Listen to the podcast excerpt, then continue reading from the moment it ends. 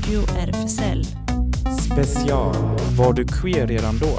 Berättelser från RFSL Malmö seniorprojekt.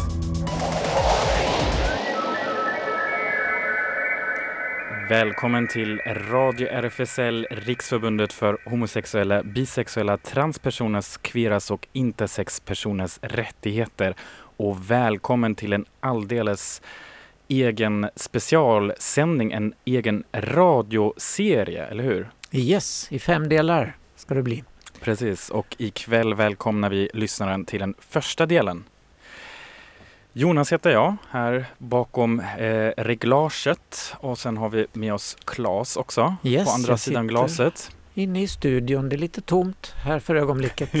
Det, Men det är du och för jag. en gångs skull. Ja. Precis, men ehm, vi har eh, ja, ett ganska spännande program faktiskt. För att det här, den här timmen nu ägnar vi verkligen åt seniorprojektet som nu har funnits i mer än ett år på RFSL Malmö och också på riksnivå, eller hur? Kan Ja. du berätta lite, vad är seniorprojektet egentligen? Jo, det var Socialstyrelsen som eh, för ett år sedan drygt eh, utlyste pengar eftersom de vill motverka ofrivillig ensamhet i största allmänhet och till oss vänder de sig då ofrivillig ensamhet bland hbtqi-personer.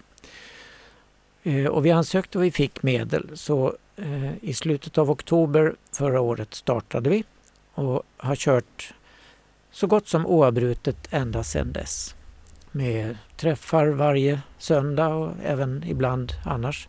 Och från eh, nu på hösten så har vi också en anställd som har sett till att det har funnits eh, folk i vår lokal hela tiden som vi har kunnat ha kaféer på tisdagar och torsdagar också. Eh, och så har vi då startat ett filmprojekt som även har gett de här intervjuerna.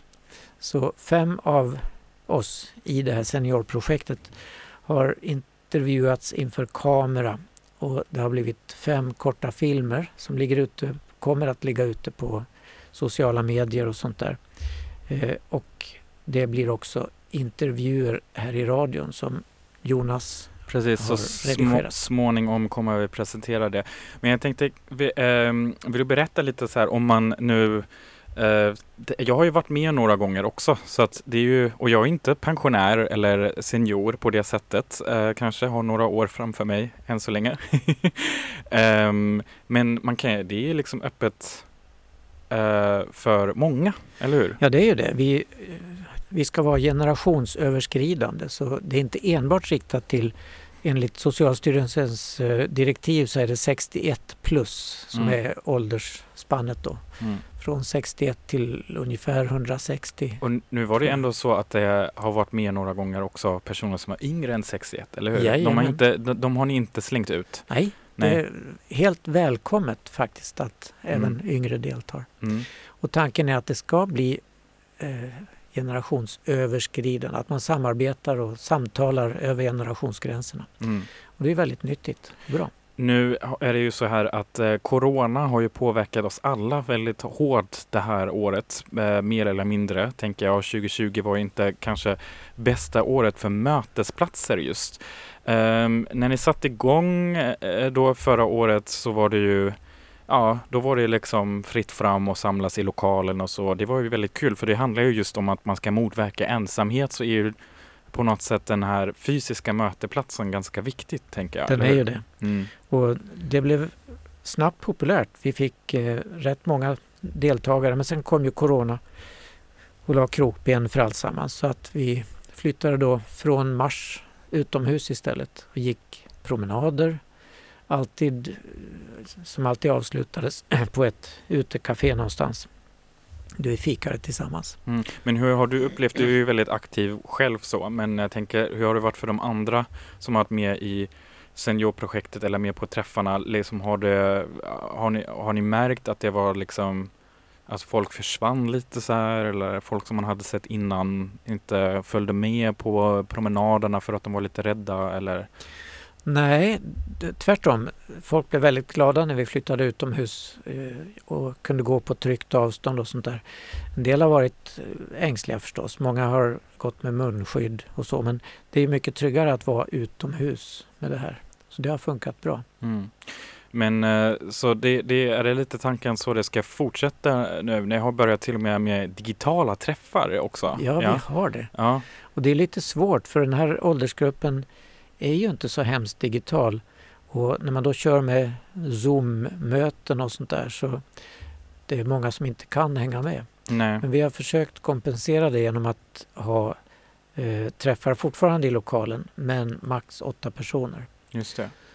Så, ja. ja. vad skulle du säga så här, ni haft, eh, jag kommer ihåg innan corona så hade ni mycket så här gäster och föreläsare och så. Vad, vad tro, vad, om du så blickar tillbaka nu på ett år, seniorprojektet, eh, som jag verkligen kan säga själv också så här, personligen har jag upplevt att du har ju verkligen fått in mycket liv in i RFSL Malmö på det sättet överlag. Liksom. Det har varit väldigt kul att se liksom, att så här, samarbeten utvecklas och newcomers har blivit eh, involverat och så. Men vad skulle du själv beskriva är den så här, absoluta highlighten eller alltså den här toppträffar eh, från kanske BC, before corona, om man ska säga så. Eller kanske också under corona? Ja, det var en eh, plötslig fråga jag vet inte, vi, vi har haft väldigt många väldigt sympatiska och trevliga och givande gäster. Eh, vi firade till exempel kanelbullens dag den 4 oktober med, med kvinnan som grundade hela denna dag, ja, det var... Just det. Det var jättekul. Och sen har vi haft eh, Marisol som gäst, Fredrik Ekelund, som ju har förvandlat sig till Marisol och som ju faktiskt nu har blivit alldeles nyligen utländ till kulturredaktör för en ny eh, ja, digital tidningsprojekt. Ja, just det.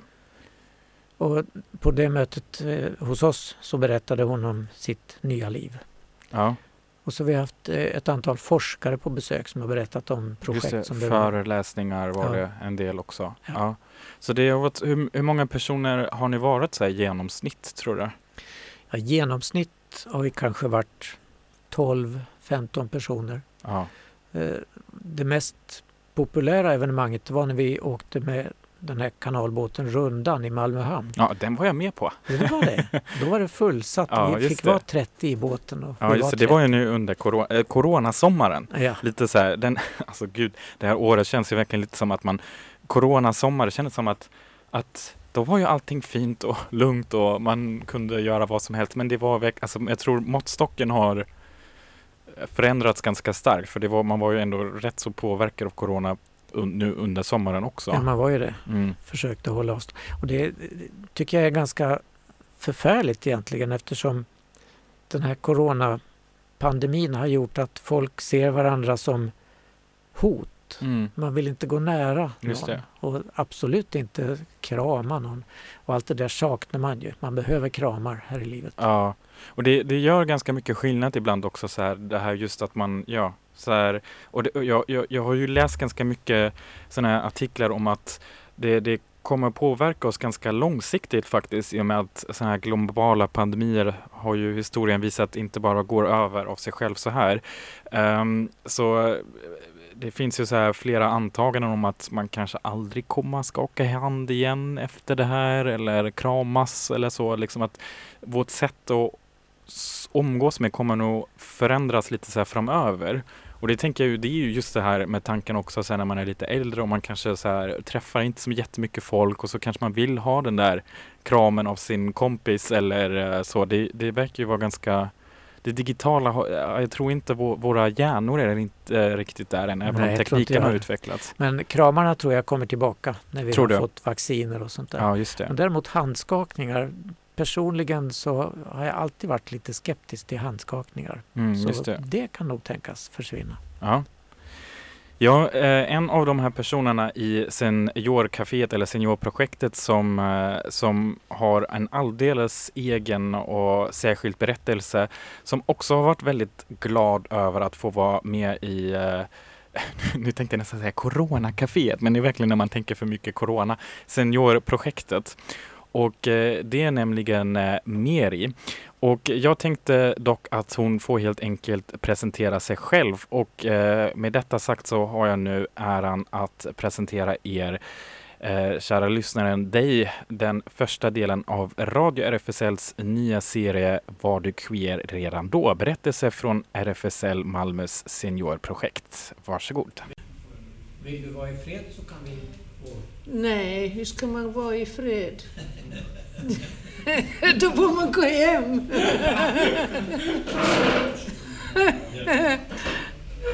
Mm.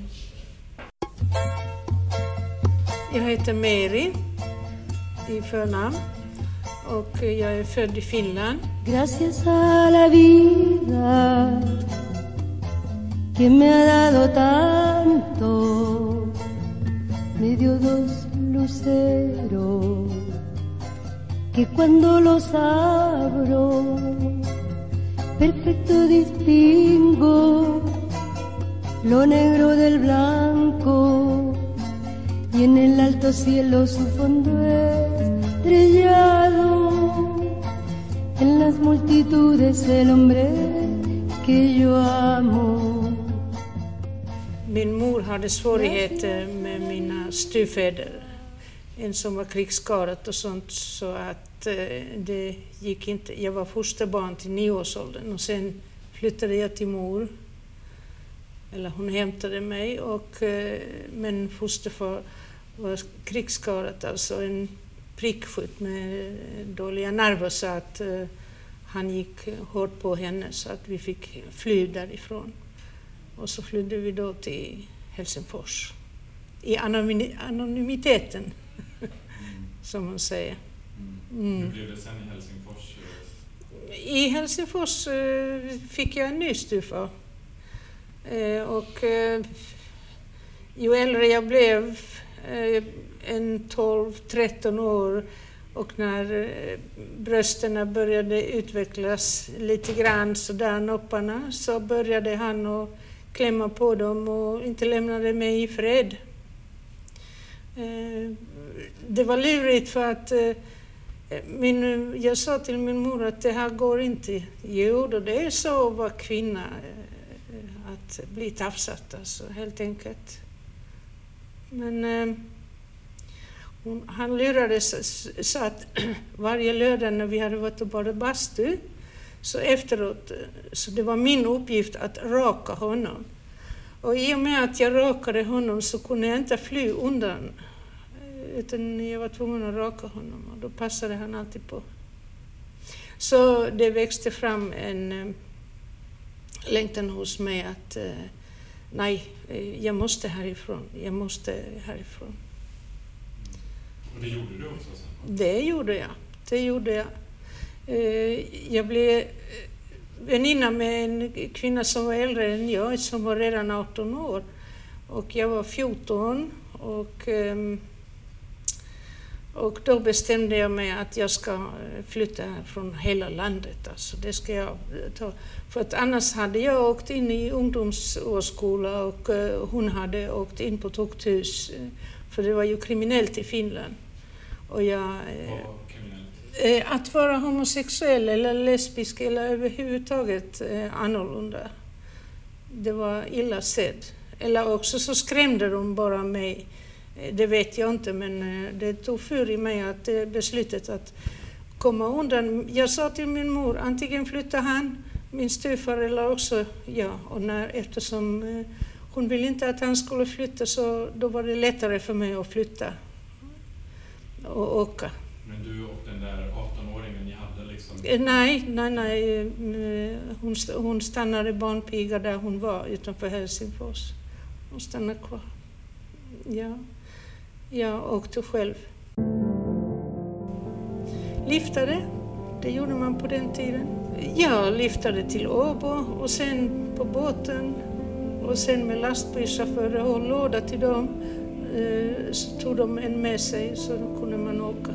Och jag åkte så långt jag kunde till Helsingborg.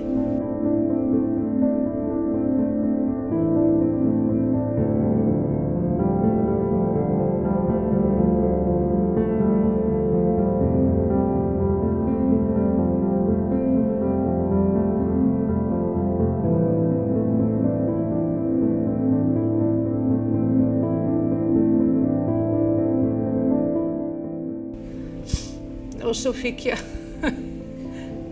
eh, konservburkar eh, från lastbilschaufförer eh, för jag hade varit duktig och hållit dem vakna. Så jag fick till biljett till Helsingör och dit åkte jag. Men samma natt åkte jag tillbaka. Jag hittade en tjej där och sen så bodde jag hos hennes, henne. De bodde, fabriksarbeterskorna bodde på gamla hotell.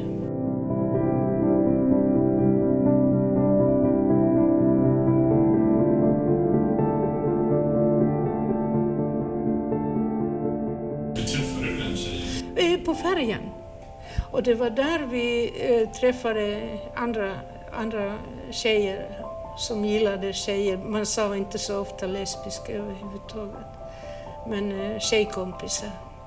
Så det träffade man på, på färjan. Man åkte turade fram och tillbaka. Det gjorde man. Elefant i näven så känner man sig stark, kan man säga. Så man kände det var på sig? Ja, ja då. Ja då.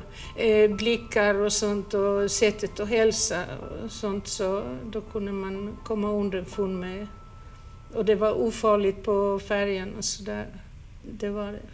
Alla umgicks med alla, kan man säga. Det var mötesplats för, för alla, kan man säga, i Helsingborg. Alla. Alla människor. Det var, och också de från Helsingör turade. Mest eh, spännande turer var det från Helsingborg till Snäckesten, gamla, en gammal 90 år gammal båt. Där satt danska damer och rökte cigarrer. Det tyckte vi var spännande.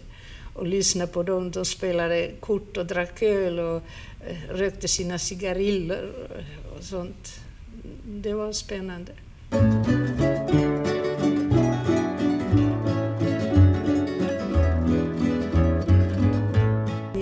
Tagit definitiva beslut, beslutet att så långt som möjligt. För att eh, min mor rättades med, ja ja, hon åker till nästa busshållplats och så kommer hon tillbaka. Nej du, det, det, det gjorde jag inte. Det var ett viktigt beslut.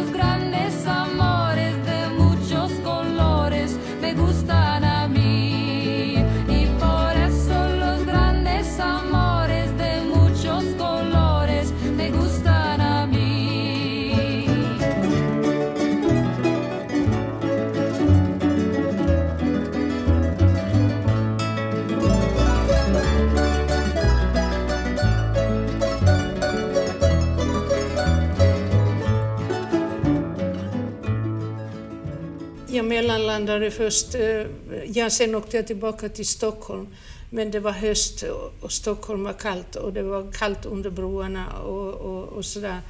Eh, så att eh, det var mycket svårt att leva där, så då åkte jag tillbaka till Helsingborg igen. Och man kunde få jobb som diskerska bakom hotellen och restaurangerna det kunde eh, sitta eller stå en husmor så här liksom att, och, och kolla vem, vem ska vi ta idag eh, och diska och så där. Och sen fick man med sig en eh, packe smörgåsar och sånt så då var det avklarat.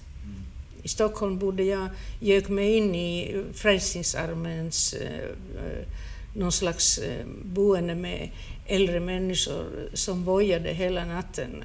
Eh, så de gjorde plats mellan klädskåpen där och satt i säng för mig där. Så på så sätt eh, behövde jag inte bo ute i Stockholm hela tiden.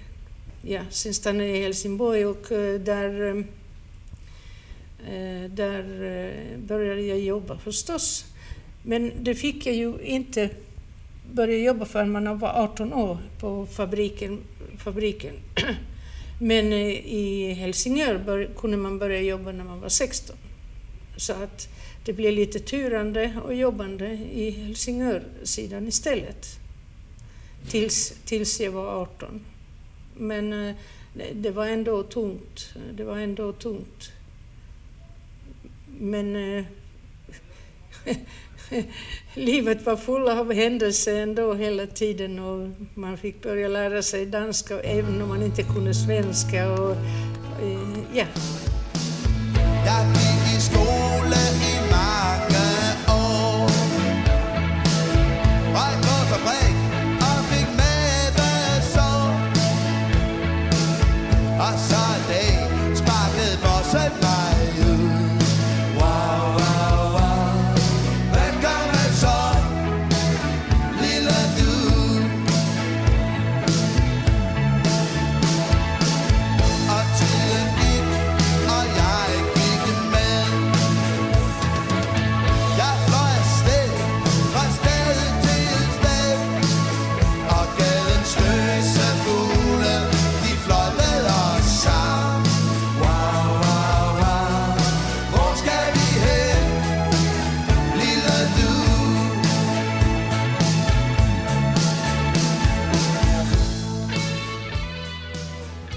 Det kunde man träffa i Helsingör. Eftersom eh, där sjömännen brukade gå dit. Och eh, telegrafisterna från båtarna, eh, tjejerna där, eh, var kända att eh, de eh, eh umgicks med varandra och sådär. Så det var spännande där. Så man turade dit. Men i Helsingborg gick man bara på vanlig dansställe istället. Vanlig Folkets hus och sådana där dansaftnar. Men turandet var viktigast, det var det bästa mötesplatsen. Fick du någon kontakt med din familj? Fick de tag i dig på något sätt, din familj? De Nej, nej. Nej, nej, och det gjorde jag inte. Jag tog ingen kontakt heller. Nej. Nej. Nej. Långt senare, långt senare när jag hörde att eh, de hade skickat eh, Frälsningsarmén, eh, det var den bästa detektivbyrån för att få fatt i folk, att Frälsningsarmén hade frågat efter mig och berättat att, var jag finns. Min mor ville ha reda på det. Sen kom det den här... Sen blev jag 18 ja, och kunde börja jobba på Helsingborgssidan. Men eh, jag, jag, jag mådde rätt så dåligt så att jag försökte ta livet av mig och simma rakt ut i, till eh, sundet. Men eh, det är någon som hade väl sett mig och plockade upp mig där. Jag tror där här, här finns ju ingen, det, det blåser och regnar och sånt så eftersom jag, jag klarar inte av detta så att jag bara gick ut. Men eh, någon galen motionär hade eh, sett att eh, det där flyter någon. Så jag vaknade på lasarettet och fick göra en tur till mentalsjukhuset. Och sen blev jag utskriven därifrån. Och sen kom frågan, vad ska jag göra? Jo, jo um, jag blev testad på, ja, på alla de sätt där på sjukhuset. Och sen fick jag börja eh, på en fabrik. Suzanne takes you down to a place by the river. You can hear the boats go by. You can spend the night forever. And you know that she's half crazy. And that's why you want to be there. And she feeds you tea and oranges that come all the way from China. Findus. Findus var det ja. Fryshuset. Ja. Jag var ju från Finland, jag skulle tåla eh, kyla. Så eh, fick jag börja på eh, sån här svensk eh, kurs. Svenska för invandrare. Bussen. Eh, ackord. Skiftnyckel. Och sådana här saker. Allt som var relaterat till hemma, hemadress, vägen till jobbet, verktyg på jobbet. Det var innehållet i eh, undervisningen. Det är därför att det var så, eh, alltså att för dem var det in, intressant, alltså man gjorde en gärning att man lärde invandrare svenska för att man skulle göra bättre ifrån sig. Man skulle kunna utnyttja oss ännu bättre så måste man ge oss en liten morot, eller hur? Eh, för att kunna prestera ännu bättre. Och det gick ju så långt förstås att eh, när vi jobbade på ackord så vi finnar, finnar som jobbade, vi drev på ackordet. Rätt som det var så kom det en eh, tidstagarman och höjde ackordet. Och andra blev ju arga förstås. Man ska inte driva upp eh, ackordet, för då får man jobba. Vi ville ju tjäna pengar och sådär. Eh, mycket av tillvaron i arbetslivet gick ut på att vara duktig, inte om, om, man, var, eh, om man var bisexuell eller lesbisk eller vad man var, utan, utan huvudsaken var att man var duglig arbetskraft. Det var poängen. Hur blev det med kärlekslivet då, vid sidan av? Ja, det hade jag ändå. Det hade jag ändå. Jag träffade tjejer som sagt eh, från båten och sen så var man vänner ett tag och, och sen flyttade de eh, någon annanstans och eh, försvann till periferin och även jag försvann ibland periferin när vi inte kom överens längre. Helt naturligt tycker man nu efteråt, men då var det stort ju. Kärlekssorg och sådana saker, ja.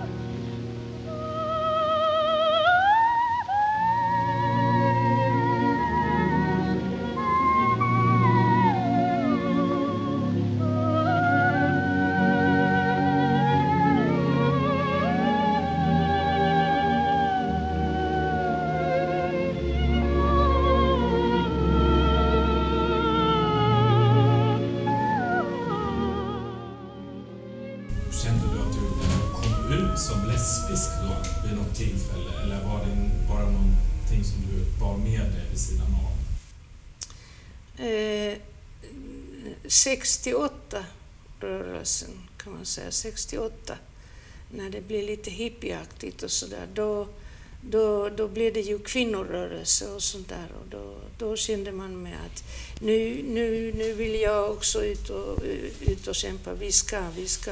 Och vi kunde göra det för då så småningom fick jag möjligheten att gå på folkhögskola för att lära mig läsa och, och skriva svenska och bli ännu duktigare arbetare.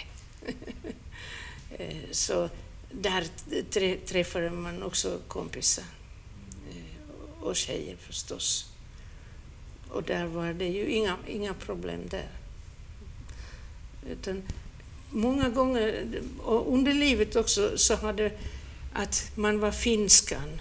Man var finskan, man var inte meri, eller lesbisk eller eh, bisexuell eller något annat utan eh, fin, finskan, finskan eh, och hela tiden syftade man på arbetslivet. Mycket mer än... Men sen när man blir äldre så det fanns ju möjlighet att ta kontakt med andra kvinnor på det sättet att det fanns sådana veckotidningar som till exempel Mitt livs novell. Och så skrev man där då, eh, eh, undertecknade man annorlunda. Annorlunda tjej söker en kompis eller, eller, eller här är en tjej som tycker om det och det och det och det och så eh, annorlunda. Så, så det, var, det var liksom eh, vår hemlighet kan man säga. På så sätt kunde vi eh, få kontakt brevledes med varandra. Winter's almost gone, oh how I've waited so long for summer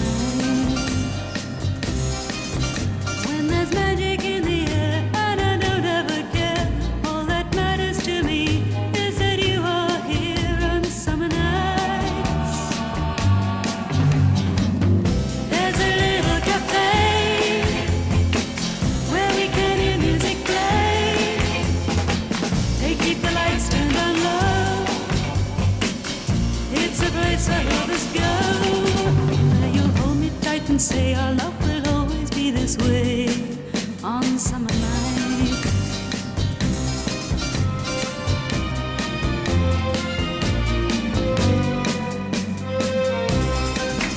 On summer nights.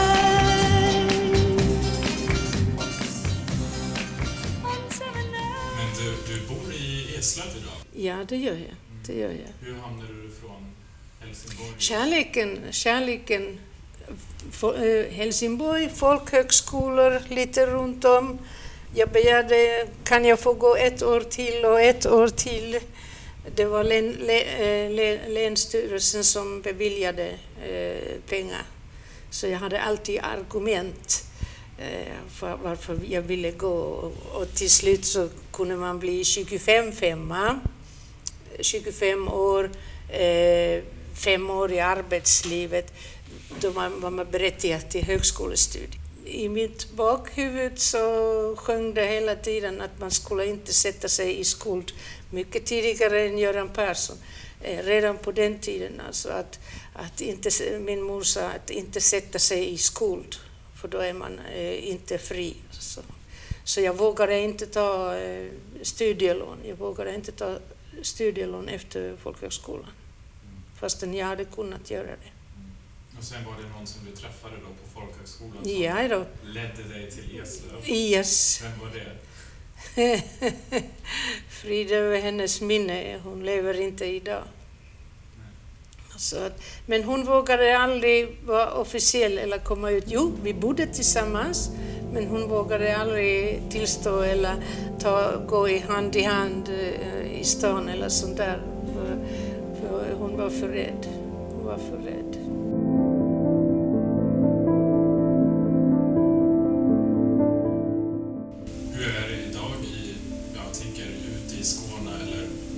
Eslöv till exempel tycker, tror du att man skulle kunna gå två tjejer hand i hand?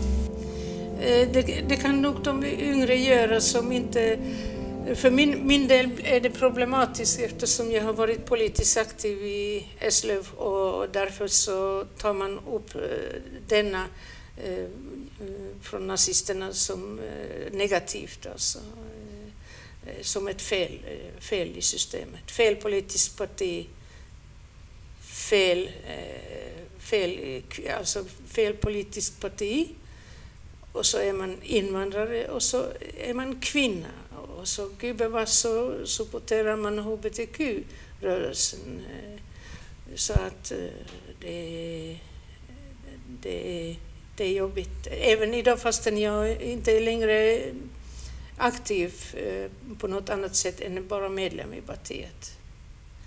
Men eh, det, det höll på att knäcka mig helt och hållet. Och gjorde det också delvis, ja. De gick på eh, nazisterna och eh, SD-supporterna. Det, var ju officiellt att huvudfienden är Miljöpartiet. Och andra partiet, partier ställde inte upp och hjälpte oss utan nu har de fått SD istället att kämpa med. Varför ville du bli Eh, därför att eh, jag tänkte att jag kunde påverka eh, genom politiken eh, vad som händer i samhället och, och sådär.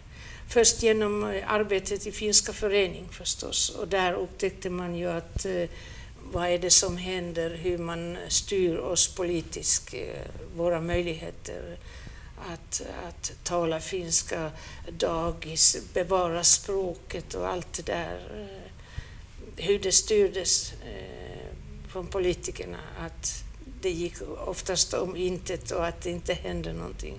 Eller man ställde så höga krav, de visste exakt hur många barn det var och hur många vi var.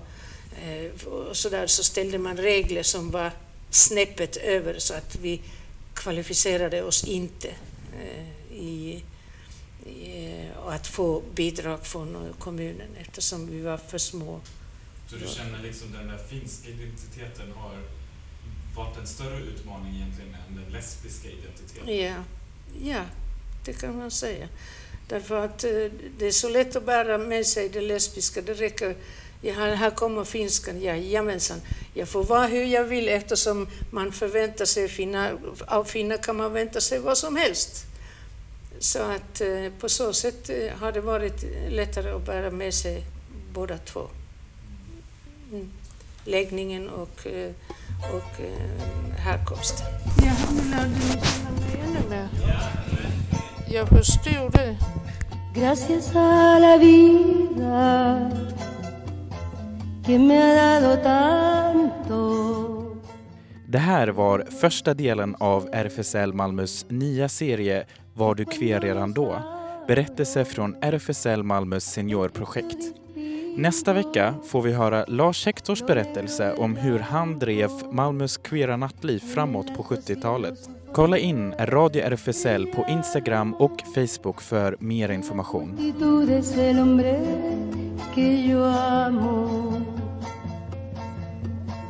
Gracias a la vida que me ha dado tal me ha dado el oído que en todo su ancho graba noche y día martillos, turbinas, ladridos, chubasco y la voz tan tierna de mi bien amado.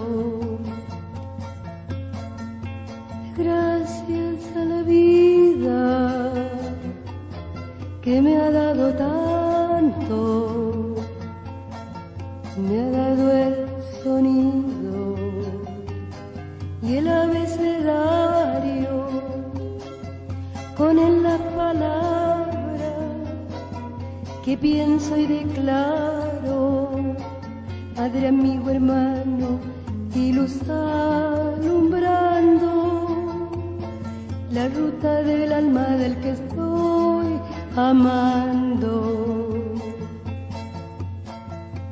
Gracias a la vida que me ha dado tanto, me ha dado la marcha de mis pies cansados,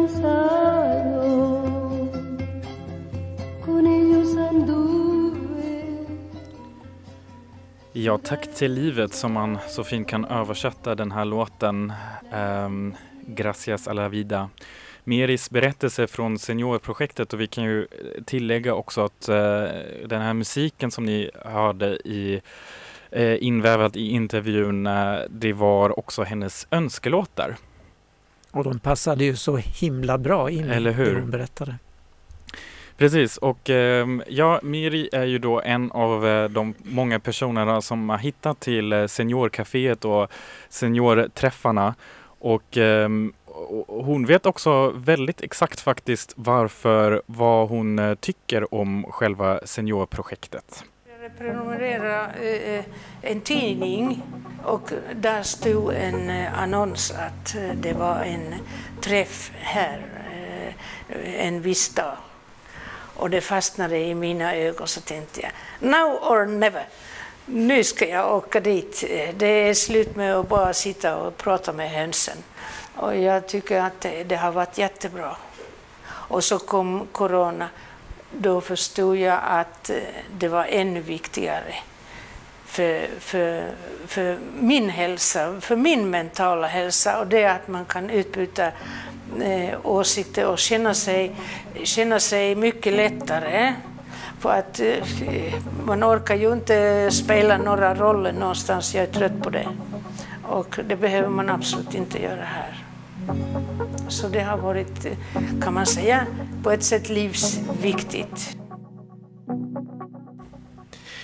Ja, det håller vi med om. Det har varit ett väldigt bra projekt och Meri, måste jag säga, blev snabbt oerhört populär. För hon hade alltid med sig under sommaren då, ägg ifrån sina små hönor som man Ja just det, det här med hönsen, det måste vi ju få en förklaring till. Så Ja. hon bor ute i Eslöv och har en eh, massa höns. Ja, hon bor utanför Eslöv i en Ja. liten gård och har massa höns. Så Mm. ibland när man ringer till henne så hör man inte henne för alla hönsen som kacklar runt omkring henne.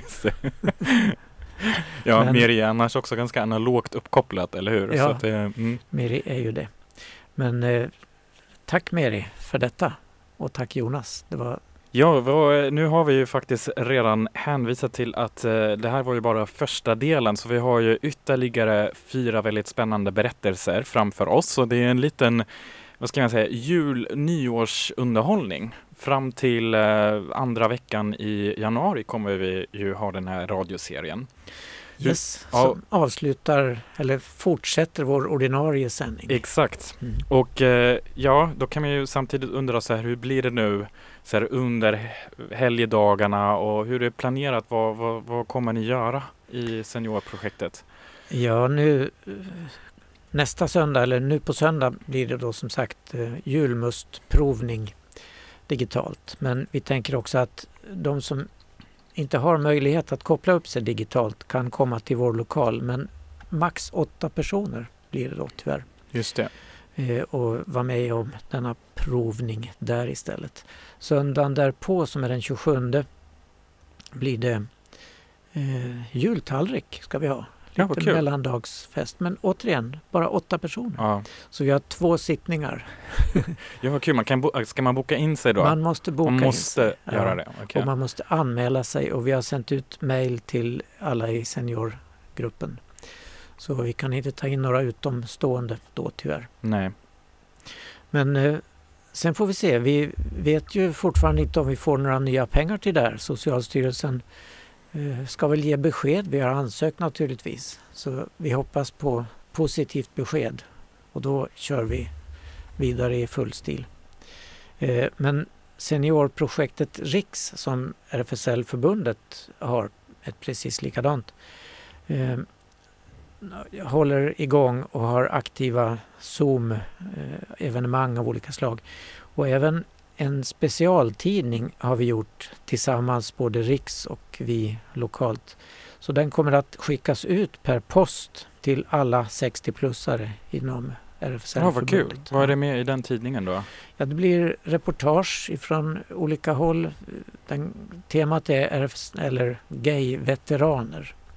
Så jag har intervjuat Göran Söderström som är en, eh, han har varit oerhört aktiv på alla möjliga sätt inom hbtq-rörelsen. Och så andra intressanta teman då förstås.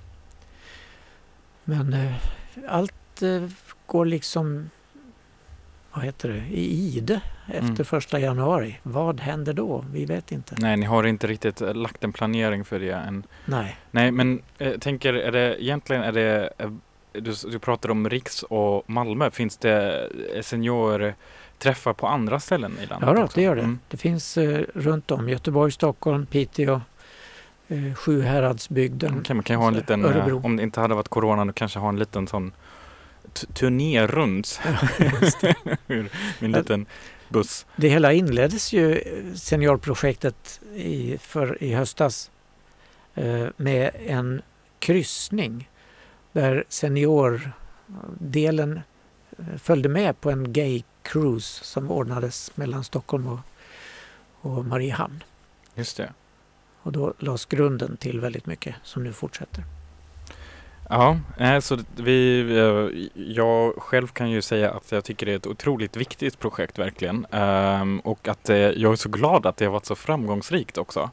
Ehm, så att, eh, då borde man ju tänka så här, kära Socialstyrelsen, att det här är väldigt viktigt och inte riktigt en engångsgrej heller, eller hur? Nej, visst, verkligen. Men det kommer ju en fortsättning och jag är helt övertygad om att vi kommer att få pengar. Kanske inte allt vi har sökt men eh, Ja. en stor del. Så vi kan fortsätta ha vår Ingo anställd och eh, driva projektet. Och hon har ju gjort underverk med vår gamla hemsida som har varit under all kritik. Men nu kan man gå in på malmo.rfsl.se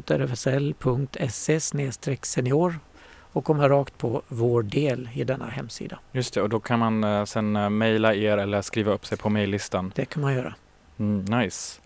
Ja, det gäller bara att, att, att sprida informationen och få in ännu fler. Ja, visst. Och där kanske vi också måste poängtera att man behöver inte vara medlem i RFSL för att delta i seniorprojektet. Ja. Det är väldigt bra om man blir det förstås. Ja, men det Nej. finns inget hinder liksom, Nej. på det sättet. Nej. Men HBTQI plus Det- det hade varit vara. trevligt, Ja. ja. Precis. Ja, vad kul. Eh, ja, med detta sagt eh, närmar vi oss slutet av den här specialsändningen. Eh, det var väldigt kul, del ett här med Meris berättelse och få höra lite mer om bakgrunden till seniorprojektet och ehm, vi hoppas att det fortsätter så fint. Vi vet i alla fall att vår radioserie kommer att fortsätta fint för att vi har flera berättelser som återstår. Så nästa vecka blir det Lars Hector som kommer att berätta en del också om det ja, hbtq-livet i Malmö, hur det var för. Yes. Och eh, här i slutet så har vi en eh, till liten önskelåt av eh, Meri som passar väldigt, hon pratar lite om eh, 68 och eh, hela den perioden när man, eh, där hon ville vara väldigt, här, vara med i svängarna också. Så att eh, Born to take the highway eh, valde hon av Johnny Mitchell och jag tycker det är den perfekta låten för att avrunda den här specialsändningen på Radio RFSL. Jättebra. Tack för idag. Tack. Hej. Hej då.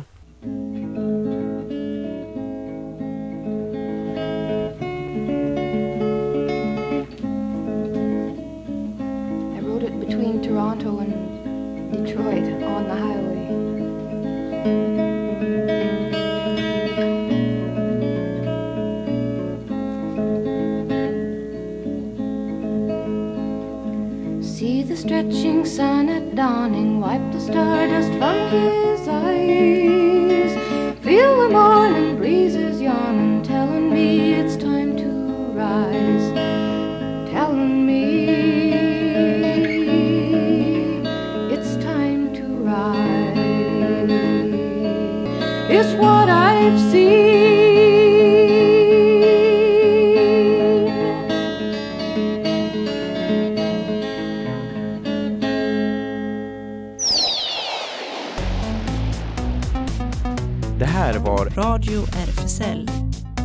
Special Var du queer redan då?